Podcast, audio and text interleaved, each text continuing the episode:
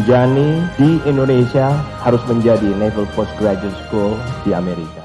Kasat dan petinggi jajaran TNI AD mengadakan pertemuan bersama Rektor Universitas Jenderal Ahmad Yani dan jajarannya untuk melaporkan asesmen atas Unjani dan upaya peningkatan setelah dilantik. Dalam paparannya, Profesor Hikmahanto Juwana memfokuskan pengadaan kelas berbasis virtual sesuai arahan Kasat Andika Perkasa. Pertemuan terkait kerjasama program Smart Digital Campus yang dipantau langsung oleh Kasat serta Ketua Yayasan Kartika Eka Paksi. Kasat Andika Perkasa melakukan kunjungan ke Universitas Jenderal Ahmad Yani Cimahi untuk melihat langsung kondisi Unjani yang rencananya akan dibangun ICT serta beberapa renovasi gedung. uh, Unjani sudah saatnya untuk take off. Sudah saatnya untuk maju. Kita harus bisa mengejar ketertinggalan kita. Sebetulnya potensi sangat besar karena apa? Karena kreativitas di dunia pendidikan itu sudah sangat cepat sekali kreativitas Makanya ICT ini kita bangun, kita paksakan supaya kita bisa menambah jumlah mahasiswa tanpa secara fisik terlalu sering berada di sini, gitu loh. Tapi pada saat yang bersamaan memang kita pun harus memperbaiki fisik Unjani, fisik. Kasat didampingi jajaran petinggi TNI AD mengadakan pertemuan dengan PT Telkom Indonesia, BNI, perwakilan Universitas Jenderal Ahmad Yani dan Ketua Yayasan Kartika Eka Paksi untuk mendengarkan paparan mengenai perencanaan pembangunan Smart Digital Campus Universitas Jenderal Ahmad Yani dari PT Wijaya Karya. Bulan-bulan awal Juni, saya baru selesai satu bulan pensiun, dilibatkan untuk perencanaan bagaimana membangun Universitas Jenderal Ahmad Yani jadi Yakep hadir adalah untuk membantu Kasat mewujudkan kesejahteraan. Kesejahteraan di bidang pendidikan, kesejahteraan di bidang moral keagamaan, dan kesejahteraan juga di bidang sosial kemanusiaan.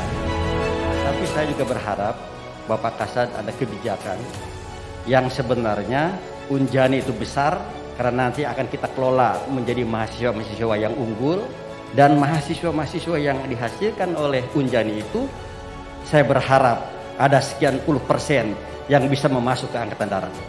Itu tujuannya.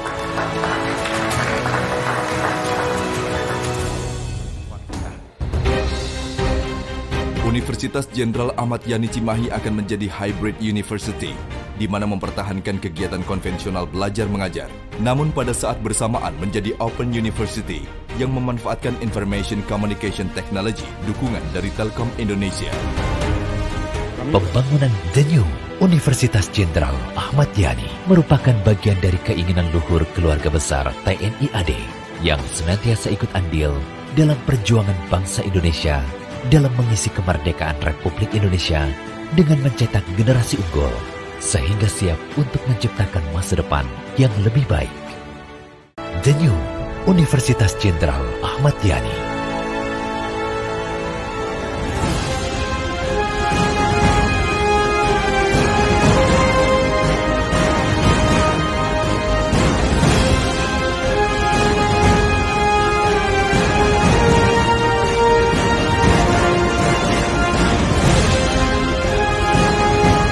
Pada master plan baru ini akan mengusung konsep Smart Campus yang terinspirasi dari slogan Universitas Jenderal Ahmad Yani, yaitu unggul, berjiwa kebangsaan, dan berwawasan lingkungan.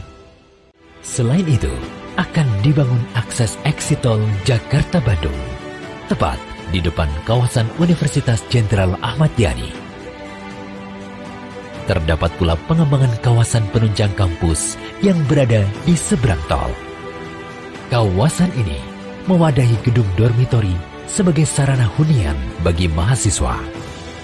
Jalan akses dari tol juga terhubung ke kawasan penunjang, sehingga memudahkan akses bagi mahasiswa untuk mengunjungi kampus.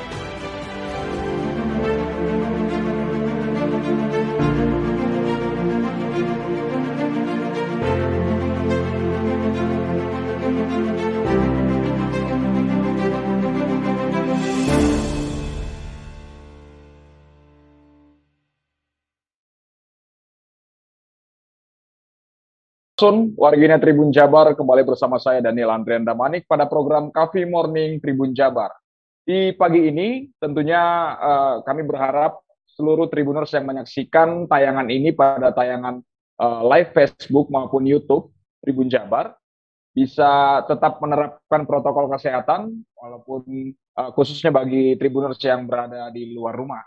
Ya, di pagi ini Uh, kita akan berbincang-bincang pada program Coffee Morning ini tentang ini hal menarik itu tentang bagaimana mengelola stres dan apa-apa saja penyebab dari stres yang mungkin tribuners yang menyaksikan ini uh, sering mengalami hal-hal stres. Dan hal menarik lagi bahwa nanti uh, tribuners yang menyaksikan tayangan ini akan mendapat kesempatan untuk meraih uh, 8 souvenir dari Unjani. Ya, Langsung saja kita menyapa narasumber kita dari Universitas Jenderal Ahmad Yani yaitu Ibu Miriam Asigarlaki, SPC MPC. Selamat pagi Ibu. Halo, selamat pagi. Selamat ya. pagi Mas Daniel, selamat ya, pagi selamat Tribuners pagi. semuanya. Ya, baik. Apa kabarnya Ibu Miriam? Alhamdulillah luar biasa. Okay. Semangat alam okay. unjani.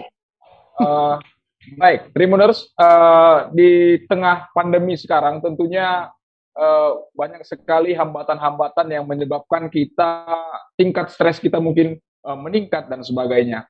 Ini mumpung nih lagi berhadapan dengan yang ahlinya untuk bisa menjawab mhm. daripada uh, saya menjelaskan nanti uh, mungkin nggak karu-karuan gitu Bu ya. Nah, uh, topik kita pagi ini adalah apa dan bagaimana dan kenapa bisa uh, seseorang itu mengalami dan merasakan stres? Mungkin Ibu Miriam bisa menjelaskan sebenarnya stres itu apa sih, Bu? Silakan, Ibu. Baik, terima kasih Mas Daniel. Ya. Ya, uh, tadi sudah disebutkan ya, kita apalagi dalam keadaan kondisi pandemik seperti ini, well kayaknya meningkat aja gitu ya stres. Tapi sebelumnya kita harus tahu juga ya stres itu apa. Nah, Baik. stres itu adalah suatu kondisi uh, di mana individu itu berespon secara adaptif ya terhadap uh, tantangan, ancaman, atau keadaan yang menekan kehidupan begitu. Nah, itu bisa diakibatkan secara internal atau eksternal. Artinya bisa terjadi di dalam diri kita atau dari luar diri kita gitu. Oke. Mhm, Ya. Kalau tadi yang saya sebut ancaman atau tantangan itu seperti apa sih gitu ya? Ya. Uh, ya misalnya dalam keadaan-keadaan yang kita contohkan nih situasi saat ini di masa pandemik ini. Ini kan kalau kita lihat ini situasi yang aduh serba takut gitu ya. Kalau misalnya kita keluar gimana kalau kita kena Covid. Nah, seperti itu itu kan suatu ancaman. Tapi sebetulnya uh, stres ini juga ya nggak hanya hal itu aja ya. Misalnya kita lagi ujian, itu juga kan kita, waduh kita tertekan tuh untuk menjawab soal-soal misalnya ya, ya. kalau siswa-siswa atau mahasiswa gitu. Gitu. Terus keadaan sakit juga sebetulnya bisa menjadi salah satu penyebab. Terus uh, kita misalnya sedang banyak pekerjaan di kantor gitu ya, itu juga ya. suatu uh, tekanan atau misalnya kita banyak tuntutan, kita harus A, harus B. Nah, itu juga bisa menyebabkan stres pada diri kita. Oke, baik. Ibu Miriam, menarik sekali uh, kalau berbicara tentang stres yang dialami oleh orang-orang, khususnya uh, tadi yang sampai kita katakan di tengah pandemi, mungkin ada yang uh, mengalami diputus hubungan pekerjaan di tengah pandemi mm -hmm. dan uh, ada faktor-faktor eksternal dan internal. Nah, uh, Bu Miriam, kalau gejala-gejala yang sering muncul, yang bisa secara kasat mata mungkin yang bisa kita lihat dari orang yang sedang stres itu seperti hmm. apa, Ibu?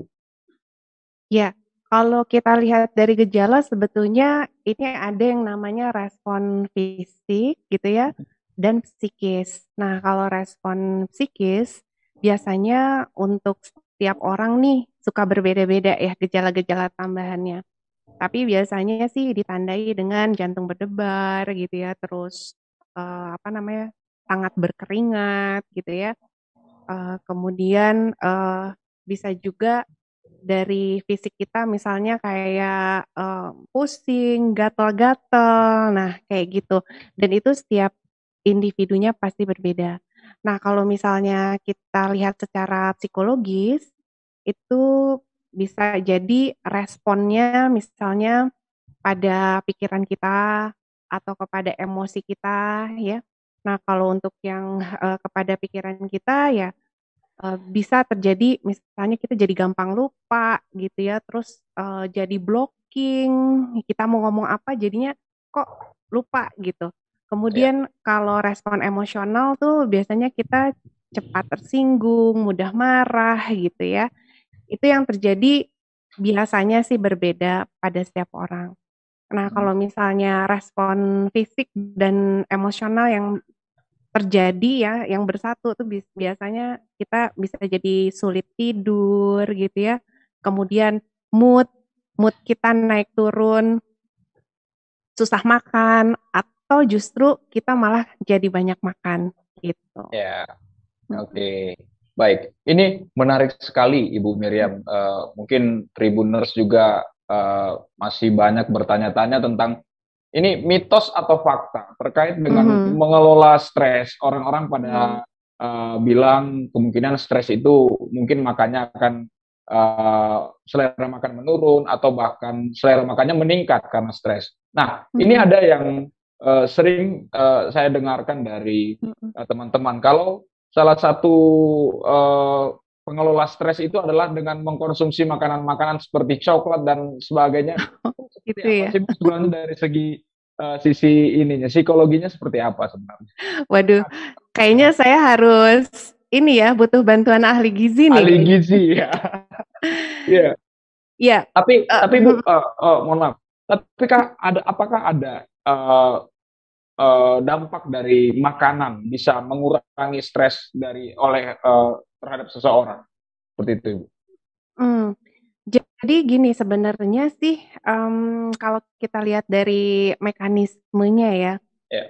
uh, dalam seseorang dalam menanggulangi permasalahannya ya atau kita sebut coping bahasa psikologisnya, yeah. membuat diri kita tenang dan uh, supaya kita rileks dan lain-lain. Nah, sebenarnya itu pun untuk uh, individu-individu itu berbeda-beda. Nah, yeah. kalau saya dapat informasi nih dari ahli gizi yang pernah saya kenal ya, uh, benar nggak sih cok makan coklat itu jadi tenang? Iya, katanya sih benar. Tapi coklat yang mana dulu gitu ya? Karena coklat yeah. itu mengandung apa namanya zat-zat uh, yang memang membuat hormon kita menjadi senang gitu ya, tenang kalau gitu. Jadi uh, bisa dibilang ya benar juga. Nah, tapi ketika kita mengkonsumsi ini terlalu banyak, nah itulah yang uh, menandakan bahwa diri kita itu sedang dalam keadaan yang tidak seimbang atau dalam keadaan yang stres tadi gitu. Jadi berkonsumsinya terlalu banyak gitu ya uh, sehingga ya itulah yang terjadi. Jadinya stres lagi ya. Waduh iya. kenapa nih? Jadi makannya banyak gitu ya. jadi yeah. lingkaran yang negatif banget. Nah okay. uh, kemudian uh, apa namanya tadi? Uh, kenapa sih kita makan? Nah biasanya nih ada beberapa kepribadian ya yang untuk menenangkan kita tuh memang larinya ke perut Gitu. Jadi memang ini dulu harus dipenuhi dulu nih perutnya supaya kita tenang. ya Bu ya. Uh, uh, gitu. ya itu kaitannya jadi yeah. ini ya, jadi jadi melebar tuh ya, jadi kepribadiannya yeah. seperti apa. Oke. Okay. Gitu. Oke. Okay. Ya, ini Bu, kita mungkin sudah ada beberapa pertanyaan-pertanyaan mm -hmm. dari Tribuners yang menyaksikan di live secara secara live dari YouTube maupun Facebook dari Tribun Jabar. Ya itu mm -hmm. kita bacakan yang pertama itu dari Muhammad Rozi yang menanyakan ini agak agak menggelitik sih Bu ya. Hmm. Bagaimana mengelola stres apabila tidak punya uang? Ini kayaknya curah, curahan hati dari Aduh. Uh, Bapak Muhammad Rozi. Nah, seperti apa Ibu? Apakah banyak sekarang orang stres karena tidak punya uang? Ya kaitannya seperti apa dan bisa dijelaskan? ini ini juga ya. Waduh, ini jadinya ke ekonomi ya. Iya. Ekonomi ini salah satu jadi pencetus stres juga sebenarnya ya. Iya. Tapi gimana kalau kita uh, nggak punya uang terus ya tergantung ya Anda nggak punya uang kemudian Anda stres atau gimana? Nah yang bisa dilakukan adalah antisipasi berarti. Nah uh, jadi untuk mengelola stres itu sebenarnya banyak hal. Ya. Yang pertama itu kan mungkin ini nggak ada kaitannya ya sama ya. tadi pertanyaan Baik. yang nggak punya uang. Yang pertama hmm. itu latihan relaksasi. Relaksasi. Tapi ya. ini juga bisa kita gunakan ketika kita stres. Misalnya kita stres nggak punya uang, oke okay, relaksasi aja gitu ya. Yeah. Nah relaksasi ini uh, dapat menggunakan satu teknik namanya teknik pernafasan. Inhale, exhale ya. Biasanya itu sampai hitungan ketujuh. Harusnya yeah. sih ini dipraktekin ya lebih okay. bisa kena nih. Nah kemudian mm -hmm. uh, kedua latihan fisik. Yeah. Jadi latihan fisik ini bisa dengan teknik yoga atau teknik rutin latihan fisik dengan peregangan otot kita, peregangan dan pelemasan otot kita. Nah, biasanya ini dibantu sama ahli. Ya, jadi jangan sampai nanti kita meregangkan dan melemaskan otot nanti kebablasan nanti jadi sakit otot ya. Yeah. Nah, kemudian konseling. Nah, konseling ini pada ahlinya juga ya. Uh, kemudian berpikir positif Nah, berpikir positif ini membantu kita supaya kita rilis stres.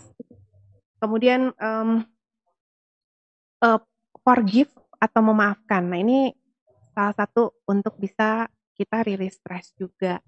Sebenarnya ini adalah hal yang paling sulit ya untuk memaafkan, apalagi memaafkan diri sendiri ya. Wah, jadi nggak apa namanya nggak terima gitu ya.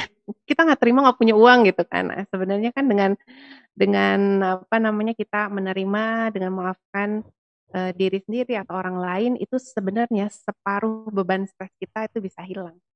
Kemudian nah ini yang terakhir nih kayaknya sih ini yang cocok banget dengan pertanyaan yang tadi yeah. yaitu gratitude atau bersyukur. Bersyukurlah apa yang kita punya sekarang ya. Kalau anda nggak punya uang, oke, okay, um, ya kita harus bersyukur juga.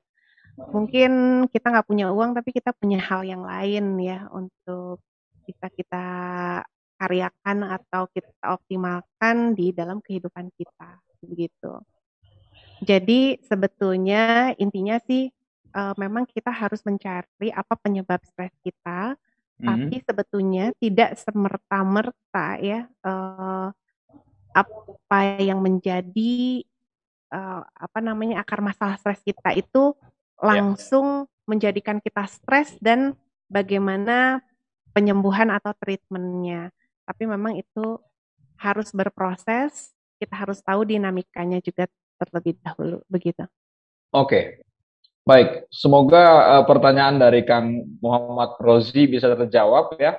Uh, mungkin lebih menjawab itu adalah pada poin keenam tadi tentang uh. gratitude tadi ya. Ya Ibu. Ya, uh, di sini juga sudah kami terima berbagai pertanyaan dari Bu Budiman terkait dengan bagaimana tadi uh, mengelola stres dari Bapak Pradita Channel, bagaimana mengelola stres juga karena sedang banyak masalah dari Sunan Kusuma stres di masa pandemi ini mencegahnya seperti apa? Dan dari Bapak Adi Sasono setiap stres saya makan bagaimana mengatasinya? Yang mau saya tanyakan Ibu eh, dari enam poin terkait dengan bagaimana mengelola stres ini tipe-tipe stres yang seperti apa yang memang harus didampingi oleh ahli Bu? Apakah mm -hmm. semua itu harus didampingi oleh ahli atau bisa diri sendiri untuk uh, mengatasinya? Dan seperti apa? Silakan Ibu Ya, sebenarnya untuk kita self healing bisa ya, penyembuhan treatment untuk diri kita sendiri. Uh, kalau batasannya bagaimana sih, um, kita harus mencari seorang ahli gitu ya. Nah Ya. sebenarnya kita sih, awalnya kita bisa tanyakan dulu pada diri kita, Ya. apakah kita betul-betul memang sudah tidak tahu gitu ya, ya buntu gitu ya dalam berpikir bahwa, "Nih gue tuh nggak nggak tahu nih harus ngapain," gitu ya. Nah bisa mencari ahli. Atau memang uh, biasanya rekomendasi atau re, uh, rekomendasi atau referensi dari orang sekitar kita. Misalnya ya karena kita stres, kita nggak tahu kan diri kita misalnya tidak disadari gitu. Tapi kita tuh udah hulang-hulang gitu. Apa coba Mas Daniel hulang-hulang bahasa Indonesianya? Saya kurang tahu, bingung kali ya. Bingung, ah, bingung gitu ya. Uh, biasanya nih tingkat keparahannya ya stres itu bisa menjadikan kita depression. Depression itu uh, ditandai dengan dia sudah menyendiri, kemudian tidak mau bicara gitu ya. Nah, itu biasanya sudah batasan ya harus dibantulah oleh expert atau oleh ahlinya begitu. Dan apabila memang dampak dari stres ini sudah mengganggu diri kita dan orang lain, ya misalnya kita jadi menyakiti diri kita sendiri atau menyakiti orang lain. Nah, biasanya memang itu harus ada bantuan. Tapi kalau misalnya kita masih bisa menyadari nih, kok kita aneh ya kok kita biasanya A tapi kok di luar jadi melakukan di luar kebiasaan gitu ya. Kayak tadi kok saya jam makan jadi banyak ya. Biasanya saya nggak kayak gini. Nah itu coba hati-hati itu lagi punya pikiran-pikiran apa gitu ya. Kemudian yang tadinya lancar-lancar aja nih tidur jadi nggak bisa tidur. Nah itu juga atau misalnya eh, akhir-akhir ini loh kenapa ya kita kok mimpi buruk aja ya? Nah itu juga ya bisa jadi tanda-tanda juga tuh kemudian uh, apa namanya, kalau kita mudah marah gitu ya. Rasanya kita tuh orang yang ceria, orang yang nggak nggak mudah marah, tapi akhir-akhir ini kok bisa gampang tersinggung, tersulut emosi. Nah, ini juga harus diwaspadai gitu. Oke, ya baik. Uh, kembali kita bacakan pertanyaan-pertanyaan dari netizen yang uh, artinya topik tentang stres ini sangat-sangat menarik ya yeah. bagi netizen ini. Ini ada Bu dari Citra Ciku. Dia ini mungkin pernah mengalami stres dan bagaimana jika cara yang biasa kita lakukan untuk menangani stres itu sudah tidak efektif. Mm-hmm. Lebih terlebih saat stres otak jadi sulit berpikir jernih. Nah, seperti apa Bu? Kalau uh, cara mungkin self healing itu sudah tidak efektif lagi, apa yang harus dilakukan? Silakan Ibu. Iya, Uh, saya harus tanya dulu ya nih sama Mbak Ya. Citra nih, Hmm. apa yang sudah dilakukan ya, upaya apa? Ya. Misalnya kita udah relaksasi tapi tetap aja gitu ya, kita udah meditasi, udah yoga ya tetap aja. Berarti ya memang saatnya Anda untuk ke ahlinya gitu ya. Sebenarnya ketika kita ke ahlinya ya kita jangan menjudge diri kita, waduh kita udah sakit atau apa gitu ya, nggak nggak seperti itu juga sih. Artinya ketika kita sudah banyak sekali bertumpuk permasalahan di dalam diri kita, kita bisa minta bantuan seorang ahli untuk menguraikan. Nah, kalau kita dalam keadaan stres itu biasanya pikiran kita, perasaan kita itu seperti benang kusut ya. Dan kita butuh bantuan orang lain untuk bisa meleraikan benang-benang tersebut sehingga memang nggak akan langsung, wah selesai masalahnya gitu ya, enggak. Tapi minimal kita bisa berpikir jernih, kita bisa tahu satu-satu benang itu, oh ini benang yang merah tuh ini, benang yang hijau itu ini. Nah ibaratnya seperti itu mas. Jadi okay. memang uh, ya memang sudah waktunya mungkin membutuhkan orang lain gitu. Oke, okay, baik. Ini menarik Bu terkait dengan benang kusut, dengan hmm. istilah hmm. benang kusut tadi. Uh, ini ada juga pertanyaan dari Daniati Dewin, Dediwan, ya. Jadi hmm. terkait dengan benang kusut ini, apakah uh, stres hingga menyebabkan mencelakakan diri atau melukai diri akibat dari stres ini, termasuk uh, dalam tahap stres yang cukup uh, tinggi atau seperti apa, Ibu? Atau masih taraf sedang? Jadi pertanyaannya adalah kalau kita sudah menyakiti diri, iya, apakah ya, stres itu gitu ya? Stres. Benar. Ya. Ibu uh, sebetulnya gini, rentan rentang stres tiap orang hmm. atau toleransi stres tiap orang itu berbeda-beda, gitu ya. Ada yang dia dikasih masalah A, yeah. itu toleransi stresnya rendah sehingga dia cepat stres. Tapi ada juga orang yang dikasih masalah A, toleransi stresnya tinggi. Jadi dia okay. fine-fine aja. Misalnya hmm. diputusin gitu ya. Waduh, gitu ya kan galau tuh. Dipikirin bisa jadi stres. Nah, kalau buat si A, ya udahlah gue tinggal cari lagi gitu ya. Dan artinya dia toleransi stresnya itu dia iya. tinggi. Ya kan jadi dia bisa men mentoleransi nggak apa-apa gitu. Tapi ada juga yang toleransi stresnya rendah. Nah, kita harus cek dulu di situnya. Uh, jadi setiap orang itu akan berbeda mana batasan tinggi rendahnya. Tapi kalau sudah menyakiti diri sendiri, nah biasanya sih memang dia ukurannya sudah uh, sudah tidak bisa mengatasi lagi ya permasalahan tersebut sehingga dia mengalihkan untuk bisa menyakiti diri sendiri gitu. Jadi ya kalau saya sarankan sih ya dia butuh temen lah untuk ngobrol untuk bisa uh, menguraikan benang kusut tadi gitu ya. Sebetulnya untuk kita konsultasi atau berbicara ya kalau misalnya uh, teman-teman nih masih bisa ngobrol sama teman sendiri atau misal orang tua atau orang yang dipercaya itu sudah cukup sih biasanya itu bisa membantu. Tapi kalau misalnya rasanya aduh nih kayaknya nggak bisa diobrolin sama teman, nggak bisa diobrolin sama orang tua, oke kita cari ahlinya gitu. Karena supaya lebih objektif gitu ya, supaya bisa memandang permasalahan juga tidak dari sudut hanya tidak uh, tidak hanya dari sudut pandang si yang mengkonsultasikannya itu gitu. Oke, baik. Menarik sekali ya Tribuners yang menyaksikan uh, tayangan ini terkhusus dengan uh, topik apa, bagaimana dan kenapa kita bisa stres mm -hmm. dan bagaimana tadi kita bisa mengelola stres itu. Nah, uh, ini menarik Ibu, terkait dengan stres tadi. Hmm. Berbagai pengalaman-pengalaman dari Tribuners yang menyaksikan tayangan ini, ada stresnya uh, beralih ke makan, ada stresnya melukai diri dan sebagainya.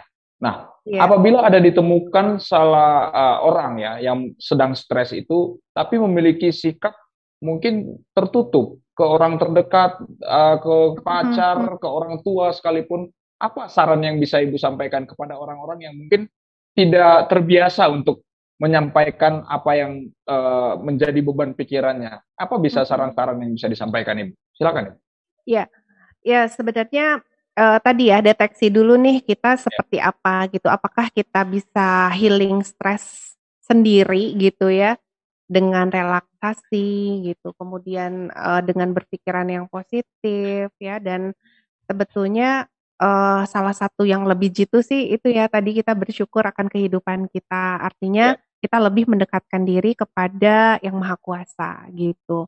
Karena apa pun uh, masalah apa pun atau ap situasi apa pun yang kita sekarang sedang jalani ya itu adalah uh, ya yang memberikan juga adalah Tuhan yang Maha Kuasa. Artinya ya. kita lebih mendekatkan dirilah kepada Allah ya, Allah Subhanahu wa taala. Ya. Nah, eh, tapi kalaupun misalnya kita masih membutuhkan eh, bantuan orang lain, ya lebih baik sih kita mencari ahlinya ya, supaya kita juga tidak eh, salah bicara, kemudian kita juga mendapatkan treatment yang benar. Nah, apalagi kalau misalnya kita tadi pertanyaannya adalah saya nggak bisa nih ngobrol sama temen gitu kan. Nah, yang pertama kali yang harus Anda tanyakan sama diri Anda adalah ini. Gue mau sembuh nggak? Gue mau keluar dari kehidupan ini seperti ini nggak gitu ya? Atau terus-terusan gue punya pemikiran seperti ini? Nah, itu dulu. Karena ketika kita berusaha untuk punya niat kita ingin keluar dari keluar tuh bukan melarikan diri ya artinya gue harus nggak boleh pikir, memikirkan gini lagi nih, gue nggak boleh stres lagi, gue nggak boleh uh, apa namanya uh, menyiksa diri sendiri lagi, nah kan gitu ya. Nah itu sebenarnya 50% tuh udah harusnya bisa sembuh. Dan nanti ketika kita sudah bertanya sama diri kita seperti itu, ya artinya kita tinggal memilih nih, oke okay, jalan apa yang akan gue pilih ya? Asal jangan jalan yang pintas ya. Akhirnya dia menyakiti diri sendiri dan akhirnya end gitu ya. Jangan yeah. ya. Iya. justru dia bisa pilih oke okay, apakah saya akan tanggulangi sendiri dengan healing sendiri mendekatkan diri kepada Allah atau ya saya juga berikhtiar dengan saya saya datang kepada ahli gitu ya. Uh, jika kita tidak sanggup berbicara dengan orang tua kita, orang tua kita, ya oke Anda datang aja ke ahlinya gitu. Karena uh, ya para ahli ini kan uh, sebetulnya tidak tahu Anda sebelumnya gitu ya, kemudian akan menjaga kerahasiaan sedemikian rupa sehingga apa yang ditakutkan misalnya takut bocor atau itu kan tidak akan terjadi begitu. Iya, uh, begitu Tribuners yang dijelaskan oleh Ibu Miriam sebagai ahli dalam psikologi terkait dengan keluhan-keluhan yang mungkin Tribuners rasakan. Ini juga menarik Ibu dari Hari Handika uh, bertanya tentang bagaimana untuk pencegahan dan hmm. penanganan dini apabila kita melakukan pekerjaan yang berpotensi mengakibatkan stres. Mungkin ya hmm. Uh, untuk saat ini seperti uh, mungkin tenaga medis atau mungkin hmm. ya, media mungkin ya stres dan sebagainya. Kita mengetahui ini potensi uh, pekerjaan kita stres. Penanganan dininya seperti apa, Ibu? Iya. Ya. Jadi sebenarnya gini ya, Tribuners, Yeah. Stres ini sebenarnya nggak bisa kita hindarin sih dalam kehidupan ya. Yeah. Selama kita masih hidup, pasti masalah-masalah itu akan muncul gitu. Nah, namun betul tadi apakah bisa diantisipasi? Ya bisa banget gitu. Uh, intinya adalah ketika kita mau mengantisipasi, tadi kan sudah mengenali dulu ya. Yeah. Uh, saya udah tahu nih pekerjaan ini pasti mengundang stres gitu ya. Misalnya tadi yang tadi Mas Dani contohkan gitu ya, tenaga medis dan lain-lain. Nah, di awal kalau kita sudah mengetahui, intinya kita sudah nomor satu bisa mengendalikan. Uh, jadi sejauh mana pekerjaan kita, kita akan ikuti gitu ya, uh, ya dinamika dalam pekerjaan tersebut. Ya. Namun ketika kita mendapatkan suatu tuntutan, ancaman, ya artinya kita kembalikan lagi ke dalam diri kita. Kita bisa uh, ketika nanti misalnya menghadapi nih sesuatu yang menjadi stresor. Nah, pada saat itu sebenarnya kita bisa melakukan hal-hal yang tadi saya sudah sebutkan ya, misalnya relaksasi tadi. Saya terbentur masalah nih. Nah, uh, ya kita lakukan relaksasi sejenak gitu ya untuk bisa menenangkan diri kita, sehingga kita bisa menghadapi permasalahannya kembali. Jadi kalau contoh gampangnya kayak gini, misalnya kita lagi berantem nih, dus dus dus dus, dus gitu ya. Yeah. Iya. Uh, Oke, okay. wait ya, wait wait. Keluar aja dulu, lo mau teriak, mau apa, gitu, wah gitu ya, atau atau hmm. relaksasi gitu ya. Teriak itu peregangan otot ya, wah gitu. terus uh, apa namanya, terus relaksasi gitu ya. Nah, setelah itu kita tenang ya, jantung kita berdebarnya itu kan kita uh, seimbangkan ya, ya, yang tadinya pada saat kita mengalami masalah stres itu jantung kita duk duk duk gitu ya, akan berdebar gitu. Tapi ketika kita calm, calm down gitu, kita kembali lagi ke permasalahan tersebut, kita bisa uh, berpikiran positif lagi. Kita bisa tenang lagi menghadapi hal tersebut. Nah, itu antisipasinya. Kemudian um, kita misalnya uh, bisa juga dari awal tuh kita switch pikiran kita ke hal-hal yang positif. Bukan berarti uh, kita tidak memiliki antisipasi yang kuat ya dengan positif karena dengan pikiran itu sangat mempengaruhi apa yang akan kita lakukan gitu. Itu antisipasinya sebenarnya. Ya, pendekatan diri kepada Tuhan, bersyukur gitu ya, bersabar itu sebetulnya uh, salah satu antisipasi yang bisa kita lakukan gitu.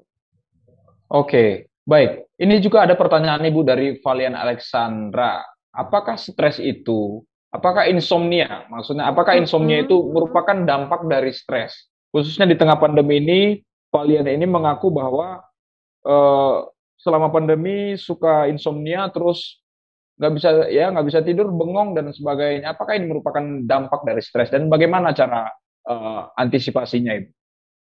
Ya uh, salah satunya ya bisa terjadi insomnia. Jadi kita uh, karena sangat kuatnya pikiran kita yang tadi ya ya. pasti di dalam pikirannya itu banyak hal yang negatif sehingga hmm. uh, bisa mempengaruhi pola tidur kita gitu. Nah, kalau untuk antisipasi ya Anda sebenarnya bisa lakukan dulu sih. Jadi untuk tidur itu kita butuh hal-hal yang rileks gitu ya. Dan ya memang ini tidak semudah membalikan tangan sih ya. Saya bercerita gini tuh bukan berarti oh gampang tuh tidak. Ya, ya ini berproses. Uh, artinya Anda nggak bisa tidur itu bukan dikarenakan sejam dua jam lalu Anda ngapain aja kan sebenarnya, Iya. tapi kan itu proses dari sebelumnya tuh Anda ngapain, kemudian Anda berpikir apa gitu ya. Nah, kalau misalnya sudah sampai level yang cukup parah, nah biasanya sih kita harus ke ahlinya ya. Ya. Apakah itu nanti ke medis kembalinya atau ke psikologis gitu. Oke, ya. Baik. Ini Bu tadi eh, terkait dengan stres ini. Dari berbagai netizen ataupun tribuners yang bertanya-tanya tentang bagaimana mengelola stres eh, dan memaparkan apa yang menjadi kendala dalam pikirannya. Mm-mm. Ini kan terkesan eh, berdampak negatif semuanya. Yes, Nah, betul. apakah stres ini bisa memberikan efek positif bagi diri seseorang? Silakan. Ya, jadi Tribuners, stres ini sebenarnya nggak selamanya buruk ya. Iya. Jadi sebenarnya ada satu tokoh yang mengatakan bahwa stres ini bisa dinamakan eustress. Eustress ini adalah stres yang positif. Nah, di mana pada kondisi-kondisi yang syarat akan tekanan ini, ya stress situation ini, sebenarnya ada yang terjadi di beberapa orang atau bahkan mungkin kebanyakan orang gitu ya, ini tuh menjadi pemicu yang positif gitu. Eh, tapi memang ini tuh jangka waktunya biasanya short, short term gitu ya.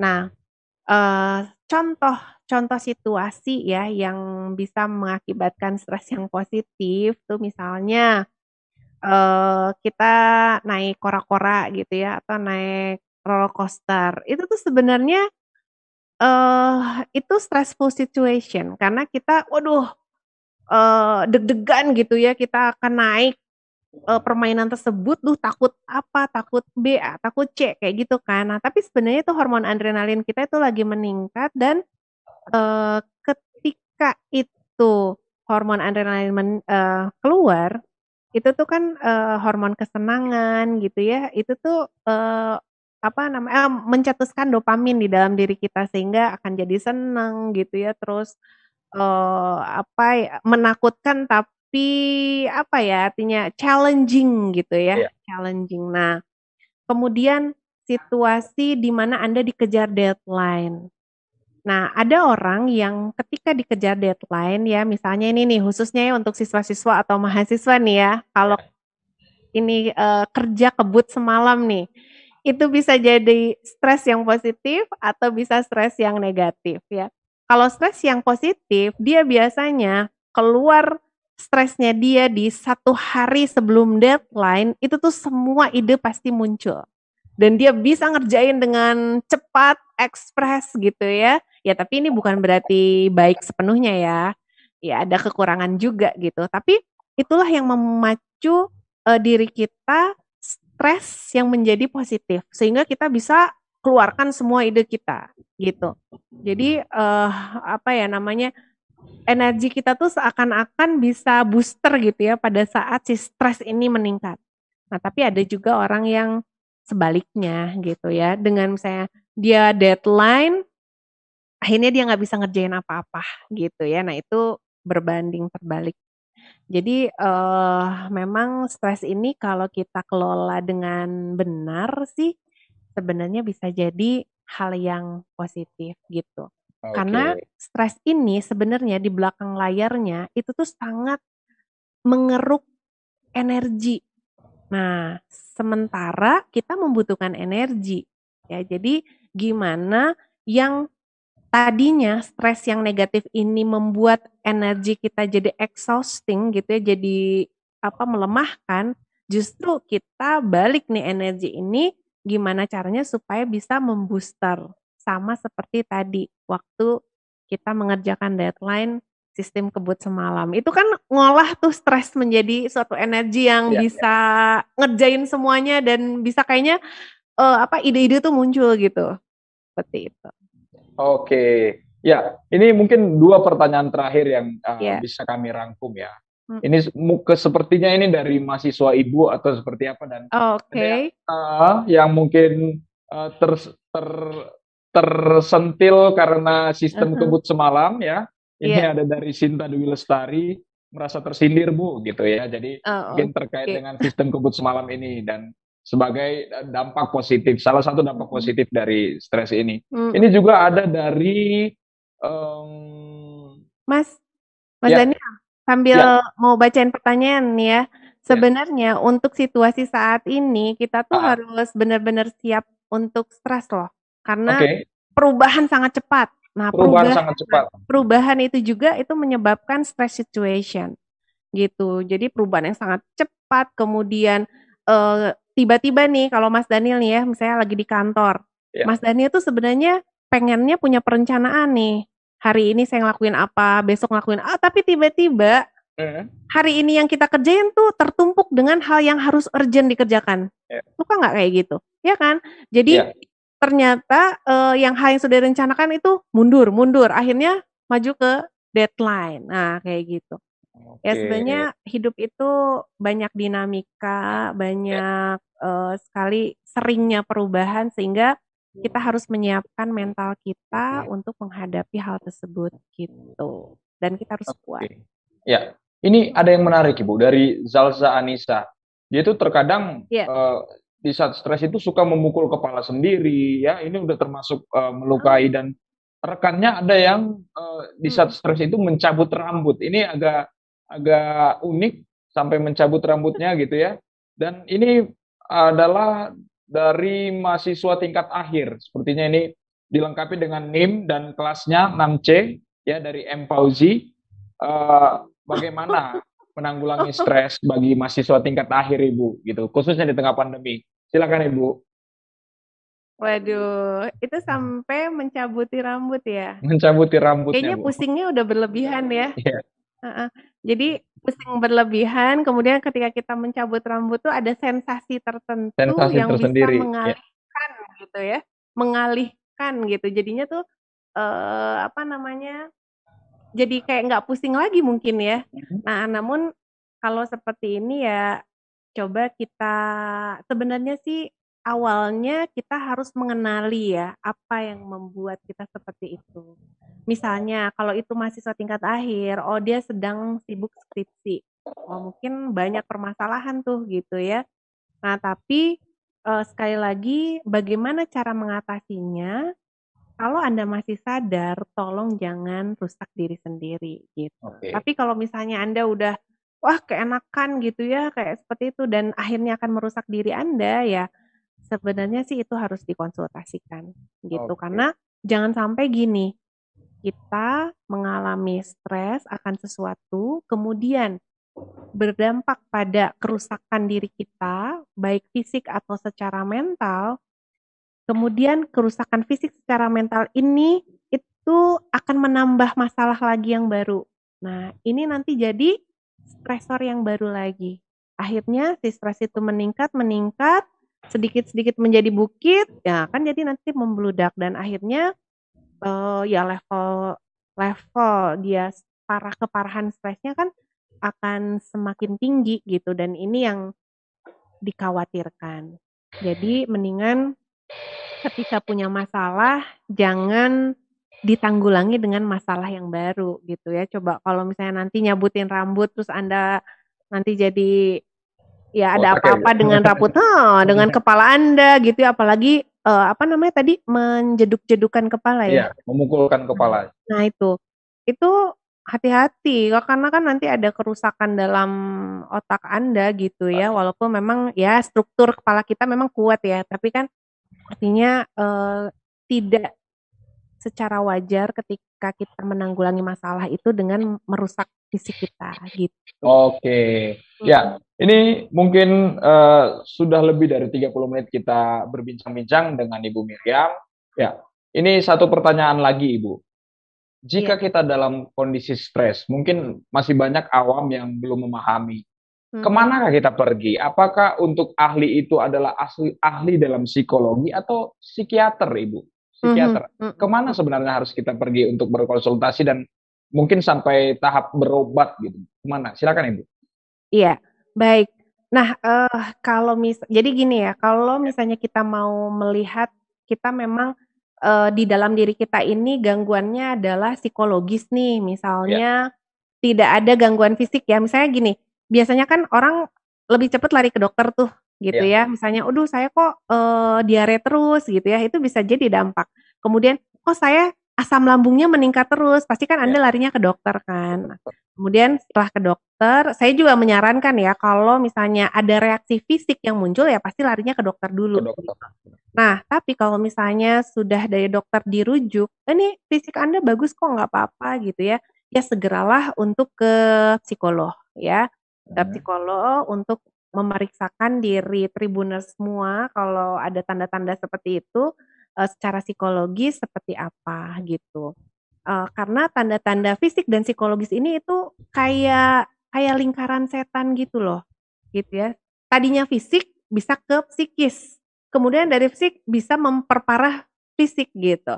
Artinya memang, eee, ketika kita butuh salah satu ahli ini, ya kita datanglah ke ahli itu. Tapi dimungkinkan juga kita akan, eee, bisa membutuhkan kedua ahli ini, karena memang ada juga yang harus pengobatan 2 hal sekaligus gitu ya. Karena misalnya dari awal kita sakit fisik dulu nih, dari sakit fisik ini kita jadi psikis, jadi stres. Nah, berarti kan si fisiknya ini harus diobatin dulu.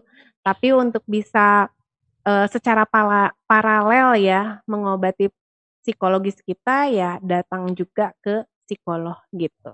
Oke, iya. Eee, mungkin terakhir, apa Bu bisa disampaikan pesan-pesan kepada, eee, Tribuners yang menyaksikan khususnya kepada, mmm, teman-teman yang ma baru tadi malam ya, baru menerima hasil, eee, perguruan tinggi negeri, yang mungkin Oh. ada yang tidak diterima dan sebagainya, mhm. Bisa disampaikan seperti apa, eee, dari Ibu selaku tenaga pengajar juga dari Unjani Mhm. untuk memberikan semangat kepada mereka, Ibu? Iya. Oh, tadi malam ya baru Iya. ada ininya ya, hasilnya ya? Hasilnya itu. Iya, baik, eee, untuk, eee, yang sudah mendapatkan hasil yang memang diinginkan, saya mengucapkan selamat ya, untuk Anda bisa diterima di perguruan tinggi negeri. Tapi kalau untuk yang belum, ya jangan patah semangat ya, eee, kita di Unjani ini, di Universitas Jenderal Ahmad Yani itu adalah solusinya ya. Iya. Eee, bisa, eee, mewujudkan cita-cita Anda ya bersama kami di Unjani. Kita punya 9 fakultas di sini, banyak pilihan peminatan ya, tentu saja, eee, bisa membantu karir Anda juga di Universitas Jenderal Ahmad Yani. Dan jangan stres ya dengan hasil ketika kita sudah berupaya dengan optimal, serahkanlah hasil itu kepada Tuhan Yang Maha Kuasa. Tapi dengan syarat ya, kita udah usahanya optimal gitu. Jangan jangan jadi apa ya, kita nggak berusaha optimal tapi kita jadinya nyalahin orang lain, nah jangan seperti itu juga. Kemudian untuk supaya nggak stres, stres itu boleh loh ya, kan tadi Iya. bisa jadi positif Berdampak ya. positif Nah ya, ya. betul. Untuk supaya tidak stres berlebihan Baik, ya ya. tadi kita bisa lakukan relaksasi, kita bisa Mhm. lakukan latihan rutin fisik, Ya. peregangan, permasalahan otot, meditasi, atau kita bisa berkonsultasi kepada ahlinya, kepada konselor atau psikolog. Kemudian kita selalu berpikiran yang positif, mulai dari sekarang kita switch kan pikiran kita kepada yang positif dan kita selalu bersyukur di dalam kehidupan kita. Begitu Mas Daniel. Oke, luar biasa penjelasan yang diberikan oleh Ibu Miriam terkait dengan apa dan bagaimana dan kenapa kita bisa stres dan eh, Ibu Miriam juga tadi sudah menjelaskan bagaimana kita mengelola stres dan memberikan saran-saran apabila kita eh, mengalami stres yang mungkin tingkatnya sampai tingkat yang eh, mengkhawatirkan seperti itu. Dan Iya. khususnya bagi pelajar-pelajar yang baru saja tadi malam menerima hasil yang ada yang diterima dan ada yang tidak, eh, Universitas Jenderal Ahmad Yani bisa menjadi salah satu solusi ya eh, seperti yang disampaikan oleh Bapak Kasat Andika Perkasa tadi terkait dengan Universitas Jenderal Ahmad Yani ini eh, telah berbasis eh, hybrid ya. Jadi eh, sangat berbasis teknologi dan sangat-sangat canggih dengan sembilan fakultas yang ada di dalamnya tadi ya. Eh, demikian Tribuners untuk delapan orang yang uh, bertanya atau 8 orang yang memberikan pertanyaannya pada kolom komentar YouTube maupun Facebook akan dipilih oleh dari Unjani dan Tribun Jabar untuk mendapatkan 8 souvenir menarik dari Unjani. Ya, demikian uh, di tengah pandemi saat ini jangan lupa bagi Tribuners untuk tetap melaksanakan protokol kesehatan secara ketat, jangan lupa menggunakan masker, menjaga jarak dan selalu mencuci tangan setelah beraktivitas. Ya, oke. Okay. Uh, eh, tetap sehat selalu, Ibu Miriam. Salam buat rekan-rekan di Universitas Jenderal Ahmad. Semoga sehat selalu dan sampai jumpa untuk uh, kesempatan yang berikutnya. Ya, tayangan ini uh, secara live di YouTube dan Facebook Tribun Jabar dan akan kembali tayang di Facebook, YouTube, dan Instagram TV Tribun Jabar. Demikian saya Daniel Lamanik, sampai jumpa pada program berikutnya.